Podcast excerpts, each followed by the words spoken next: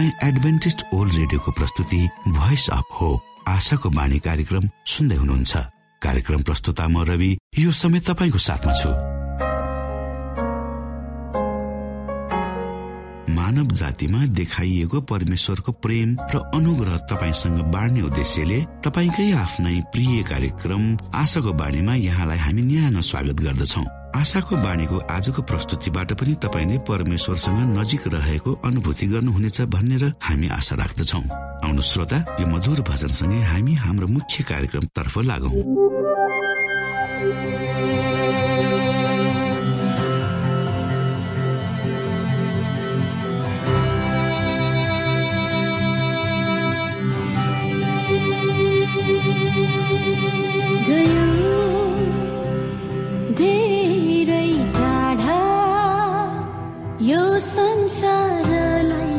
छोटा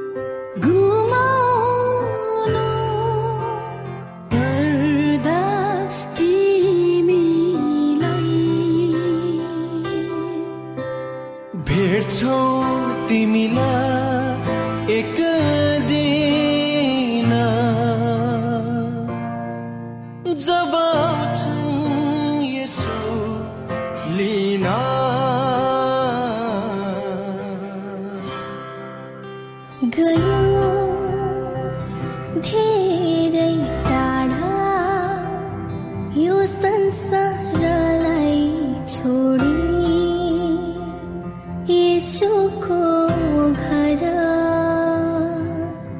गयो धेरै टाढा यो संसारलाई छोडी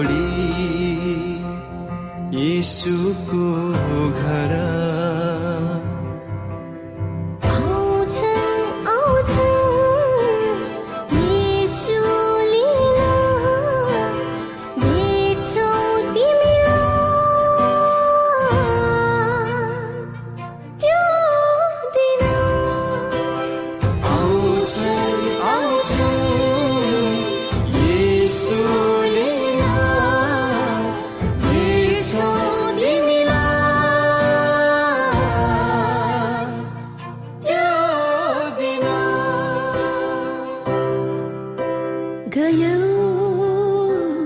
धेरै टाढा। यो समय तपाईँ एडभेन्टिस्ट ओल्ड रेडियोको प्रस्तुति भोइस अफ होप आशाको बाणी कार्यक्रम सुन्दै हुनुहुन्छ। श्रोता मित्र यो समय हामी पास्टर उमेश पोखरेलबाट आजको बाइबल सन्देश सुन्नेछौ। श्रोत साथी न्यानो अभिवादन साथ म तपाईँकै आफ्नै आफन्त अर्थात् पास्टर उमेश पोखरेल परमेश्वरको वचन लिएर यो रेडियो कार्यक्रम मार्फत पुनः तपाईँहरूको घर आँगनमा उपस्थित भएको छु। श्रोता मलाई आशा छ तपाईँले हाम्रा कार्यक्रमहरूलाई नियमित रूपमा सुनेर परमेश्वरका प्रशस्त आशिषहरू प्राप्त गर्दै हुनुहुन्छ। आजको प्रस्तुतिलाई पस गर्नुभन्दा पहिले आउनुहोस् हामी परमेश्वरमा अगुवाईको लागि बिन्ती राख्छौँ जीवित जिउँदो महान दयालु परमेश्वर। प्रभु हामी धन्यवादी छौँ। यो जीवन यो जीवनमा दिनुभएका प्रशस्त आशिष यो रेडियो यसलाई तपाईँको राज्य र महिमाको प्रचारको खातिर यो देश र सारा संसारमा। ताकि धेरै मानिसहरू जो अन्धकारमा हुनुहुन्छ जसले जीवनको अर्थ बुझ्नु भएको छैन उहाँहरूलाई तपाईँको ज्योतिमा ल्याउनु सबै बिन्ती प्रभु यीशुको नाम।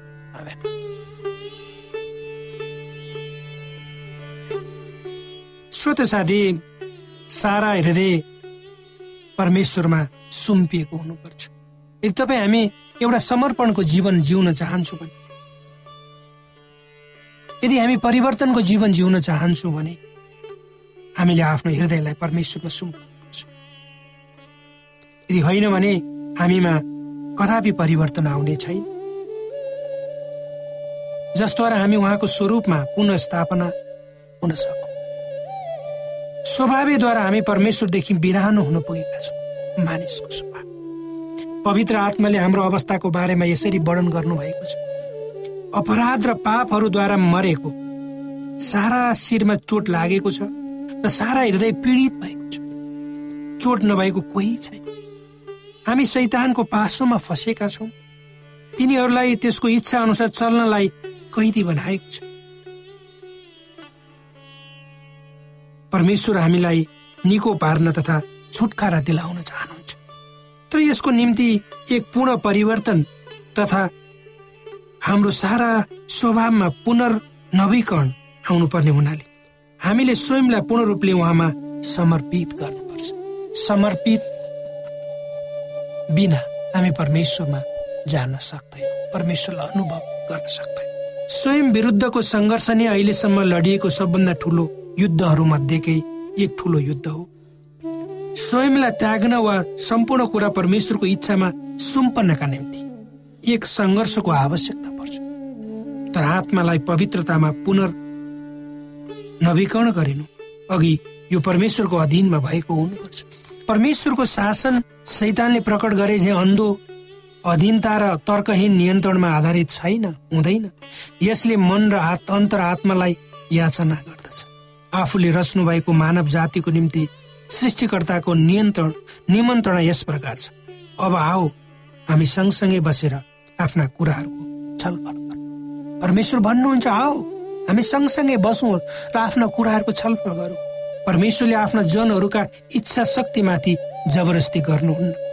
जुन भक्ति स्वैच्छिक रूपले तथा बुद्धिमानी साथ चढाइएको हुँदैन सो उहाँले ग्रहण पनि गर्न सक्नुहुने छैन।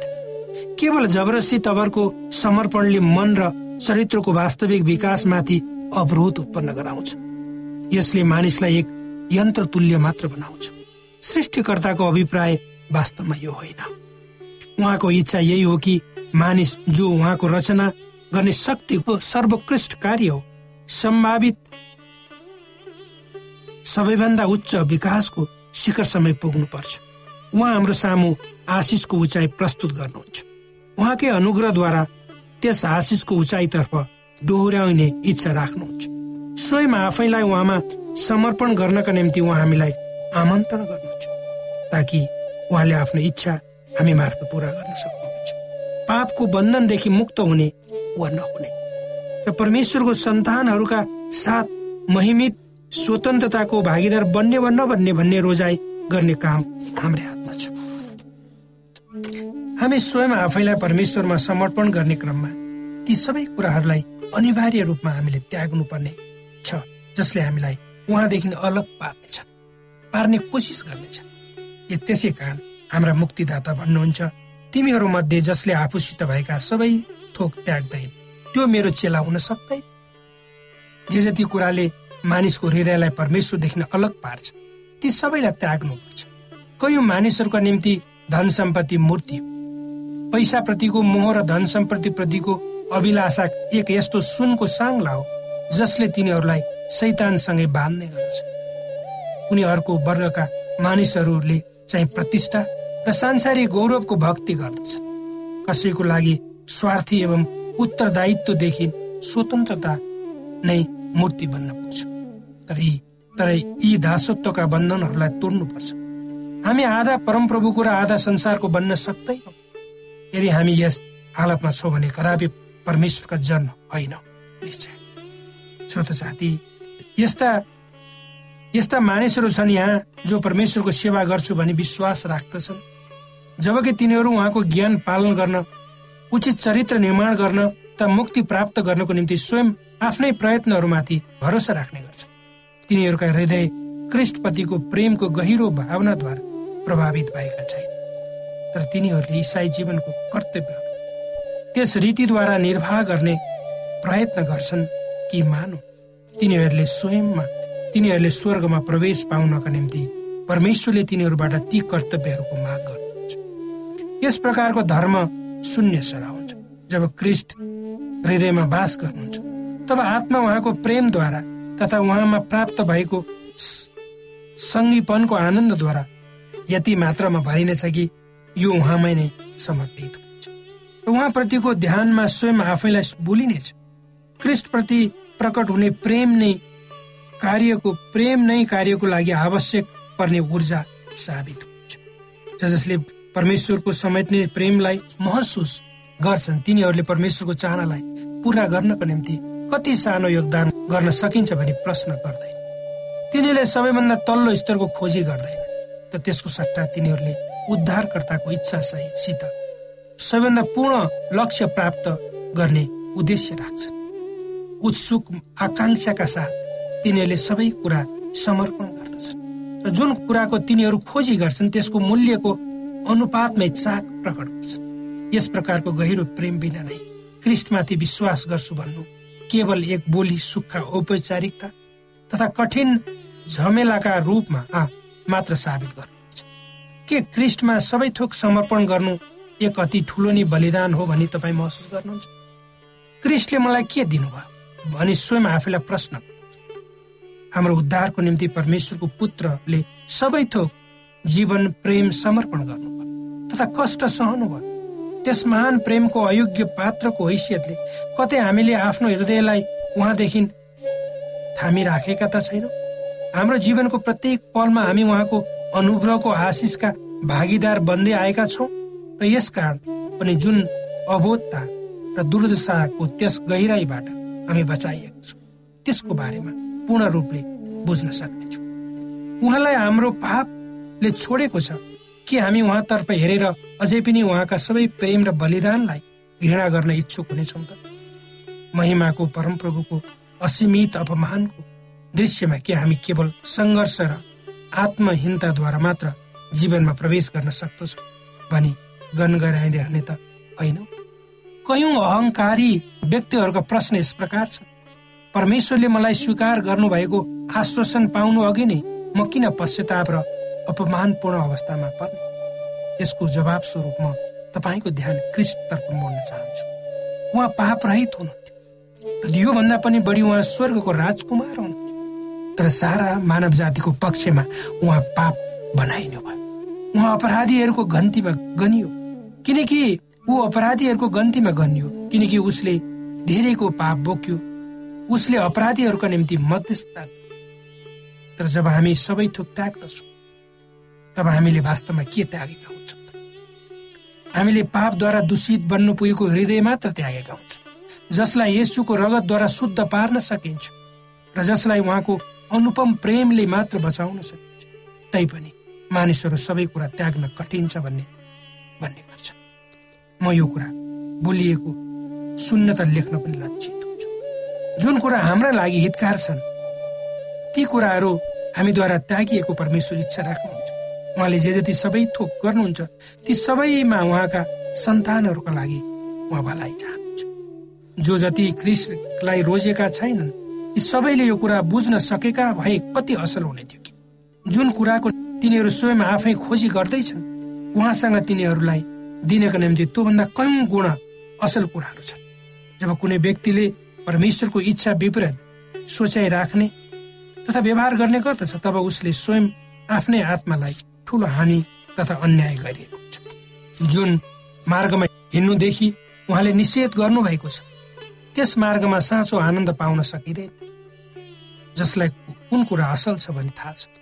जसले आफ्नो सृष्टिको भलाइका निम्ति योजनाहरू बनाउनुहुन्छ र अपराधको मार्ग विपत्ति र विनाशको मार्ग। श्रोता साथी परमेश्वर आफ्ना सन्तानहरूले दुःख भोगेको देख्नमा प्रसन्न हुनुहुन् हुनुहुन्न। सारा स्वर्गका सारा स्वर्ग मानिसको सुख हेर्नमा उत्सुक छ। हाम्रा परमेश्वर पिताले आफ्ना कुनै पनि जनहरूका निम्ति आनन्दका मार्गहरू बन्द गर्नुहुन्न ईश्वरीय योजनाले हामीलाई ती अति भोगहरूलाई त्याग्नका निम्ति आह्वान गर्दछ जसले दुःख र निराशा ल्याउन सक्नेछ जसले हाम्रो लागि खुसी र स्वरको ढोका बन्द गर्नेछ। संसारको मुक्तिदाताले मानिसहरूलाई तिनीहरूका दरिद्रता अपूर्णता दुर्बलताका साथ जुन अवस्थामा तिनीहरू छन् त्यही अवस्थामा ग्रहण गर्नुहुन्छ। र उहाँले तिनीहरूका पाप धोने तथा उहाँको रगतद्वारा उद्धार गर्ने मात्र होइन तर ज जसले उहाँको जो आफूमाथि लिन र उहाँको बोझ उठाउन सहमति जनाउने छन् उहाँले ती सबैका आकाङ्क्षाहरूलाई तृप्त पार्नुहुन्छ जो जति जीवनको रोटीको निम्ति उहाँमा आउँछन् तिनीहरूलाई शान्ति र विश्राम दिनु नै उहाँको उद्देश्य। उहाँले हामीद्वारा केवल ती कर्तव्यहरू निर्वाह गरिएको देख्न चाहनुहुन्छ जसले हाम्रा कदमहरूलाई परमानन्दको चुचुरोतर्फ डोर्याउनुहुन्छ जुन कुरा आत्म अज्ञानकारीहरूले कदापि हासिल गर्न सक्नेछ हामी भित्र महिमाको आशा क्रिस्टको बास भए पश्चात हाम्रो जीवन साँचो आनन्दले परिपूर्ण हुनेछ।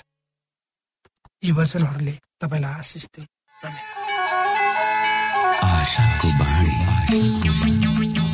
श्रोता भर्खरै यहाँले पास्टर उमेश पोखरेलबाट बाइबल वचन सुन्नुभयो। यो समय तपाईँ एडभेन्टिस्ट ओल्ड रेडियोको प्रस्तुति भोइस अफ होप आशाको बाणी कार्यक्रम सुन्दै हुनुहुन्छ। कार्यक्रम सुनेर बस्नुहुने सबै श्रोतालाई हामी हाम्रो कार्यक्रममा स्वागत गर्न चाहन्छौ। श्रोता मित्र यदि तपाईँ जीवनदेखि हरेस खानु भएको छ तपाईँका जीवनमा धेरै अनुत्तरित प्रश्नहरू छन् भने आउनुहोस् हामी तपाईँलाई परमेश्वरको ज्योतिमा डोहोर्याउन चाहन्छौ। तपाईँ आफ्नो जीवनका चिन्ता फिक्रीबाट निश्चिन्त हुनुहोस् र बाँच्नुको आनन्द परमेश्वरको सामिप्यमा कति मिठो हुन्छ त्यो चाख्नुहोस् भनी हामी चाहन्छौँ। श्रोता यदि तपाईँ आशाको बाणी कार्यक्रमलाई अनलाइन सुन्न चाहनुहुन्छ वा डाउनलोड गर्न चाहनुहुन्छ भने ओआरजीमा जानुहोस्। त्यहाँ तपाईँले प्रत्येक दिनको कार्यक्रम सुन्न र डाउनलोड गर्न सक्नुहुनेछ। हाम्रो वेब पेज यस प्रकार छ।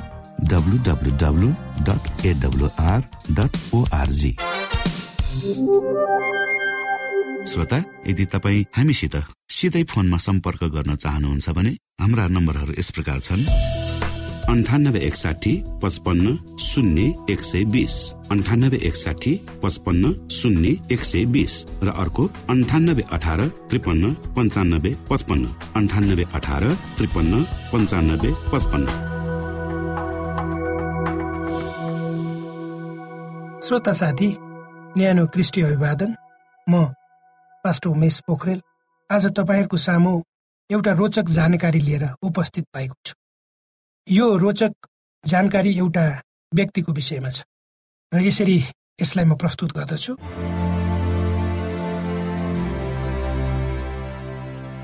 मानिस आफू बाँच्नको लागि जस्तो सुकै प्रयत्न गर्न सक्छ र ऊ सफल पनि हुन्छ भन्ने एउटा वास्तविक घटना तपाईँहरू सामु लिएर आएको छु। गरिबै भएको कारणले आफ्नो उपचार गर्ने पैसा नभएर अहिले पनि विश्वमा धेरै मानिसहरूले आफ्नो ज्यान गुमाइरहेका छन्। तर रोगी भएको कारणले गरिब भएको भएका चीन देशका एक नागरिक ह्यू सानगेवनको जीवनको कथा भन्ने फरक छ। चीन देशका नान्जिङ प्रान्तका ह्युको सानैदेखि आफू मेट्रोलोजिस्ट बन्ने सपना थियो। सन् उन्नाइस सय त्रियानब्बेमा उनको यो सपना पुरा हुने अवस्थामा थियो तर उनी अचानक बिरामी भए र त्यो पुरा हुन सकेन। उनको किडनीमा समस्या भयो र पढाइलाई उनले अगाडि बढाउन सकेन र आफूसँग भएको पैसा उपचारमा खर्च गरे। उनले हरेक छ दिनमा एकपटक अस्पताल गएर रगत परिवर्तन गर्नुपर्ने भयो। छ वर्षसम्म उपचार गर्दा गर्दा उनीसँग भएको सम्पूर्ण सम्पत्ति सक्यो तर उनको रोग निको भएन। तर त्यसको बावजुद उनले हिम्मत भने हारेनन् र आफैले डायलोसिस गर्ने मेसिन बनाए र आफ्नो उपचार गर्ने निर्णय गरे। उनको कुरालाई मानिसहरूले पत्याएन। डाक्टरहरूले उनलाई चेतावनी दिए। त्यसको बावजुद केही पुराना सामानहरू भेला बनाएर उनले एउटा मेसिन बनाए र विगत तेह्र वर्षदेखि आफ्नो डायलिसिस आफै गरी बाँचिरहेका छन्। उनको यो आविष्कारले एक्सटर्नल किडनीको काम गरिरहेको छ। हो श्रोता गरिबीले मान्छेलाई कसरी आविष्कारसम्म डोर्यायो? यो प्रस्तुति तपाईँलाई कस्तो लाग्यो? परमेश्वरले दिनुहोस्।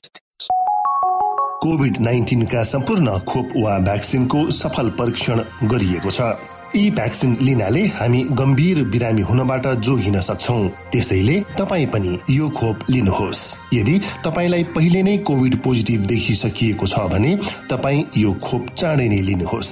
यसो गर्नाले हामी र हाम्रो समुदायमा रोग प्रतिरोधक शक्ति चाँडै नै आउनेछ र हामी सबैजना पहिले जस्तै सामान्य जीवनमा फर्कन सक्दछौ।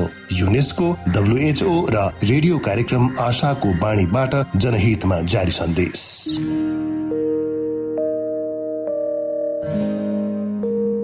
आदरणीय मित्र बाइबलले बताएको छ परमेश्वरले तिर्खाकाहरूलाई तृप्त पार्नुहुन्छ र भोकालाई उत्तम पदार्थले सन्तुष्ट पार्नुहुन्छ। हामीलाई दिइएको यो छोटो समय आशाको बाणीको प्रस्तुतिको समयमा हामीले हाम्रा श्रोताको आत्मिक भोकलाई केही मात्रामा भए तापनि सही प्रकारको खुराक पस्केर आत्मिक सन्तुष्टि दिन सकेका छौँ केही ऊर्जा थप्न सकेका छौँ भनेर हामीले आशा राखेका छौँ। आफ्ना मनमा भएका केही दुविधा र शङ्काहरू छन् भने अवश्य हामीसँग बाँडेर शङ्काको निवारण गर्नुहुनेछ र सही प्रकारको बाटो पहिलाउन सक्नुहुनेछ परमेश्वरको सच्चाइले अझ राम्रो बुझ्न सक्नुहुनेछ र आफ्नो जीवनलाई परमेश्वरमा पूर्ण समर्पित भएर समर्पण सहितको जीवन बिताउन सक्नुहुनेछ भनेर आशा राख्दै अब हामी हाम्रो कार्यक्रम सकिएको जानकारी यहाँलाई गराउन चाहन्छौ। जानुभन्दा अगाडि श्रोता हामी यहाँलाई हाम्रो ठेगानाको विषयमा जानकारी गरौं। हामीसँग पत्राचार गर्ने हाम्रो ठेगाना यस प्रकार छ। आशाको बाणी पोस्ट बक्स नम्बर दुई शून्य शून्य शून्य दुई काठमाडौँ नेपाल। आशाको बाणी पोस्ट बक्स नम्बर दुई शून्य शून्य शून्य दुई काठमाडौँ नेपाल। यसै गरी श्रोता यदि तपाईँ हामीसँग सिधै कुराकानी गर्न चाहनुहुन्छ भने हाम्रो फोन नम्बर यस प्रकार छ अन्ठानब्बे एकसाठी पचपन्न शून्य एक सय बिस र अर्को अन्ठानब्बे अठार त्रिपन्न पन्चानब्बे पचपन्न। यदि तपाईँ हामीलाई अनलाइन सुन्न चाहनुहुन्छ वा डाउनलोड गर्न चाहनुहुन्छ भने तपाईँ W W W dot AWR dot ओआरजीमा जानुहोस् र त्यहाँ तपाईँले हाम्रा सबै कार्यक्रमहरू सुन्न सक्नुहुनेछ। हाम्रो वेब पेज यस प्रकार छ W W W dot AWR dot ORG श्रोता यसमा गएर तपाईँले हाम्रा दैनिक कार्यक्रमलाई सुन्न सक्नुहुनेछ र डाउनलोड पनि गर्न सक्नुहुनेछ। हवस् त श्रोता हाम्रो कार्यक्रम सुनिदिनु भएकोमा एकचोटि फेरि यहाँलाई धन्यवाद दिँदै भोलि फेरि यही स्टेशन यही समयमा यहाँसँग भेट्ने आशा राख्दै प्राविधिक साथी राजेश र पास्टर उमेश पोखरेल र कार्यक्रम प्रस्तुता म रवि यहाँसँग विदा माग्दछौ। परमेश्वरले तपाईँलाई धेरै धेरै आशिष दिनु भएको होस्। नमस्कार।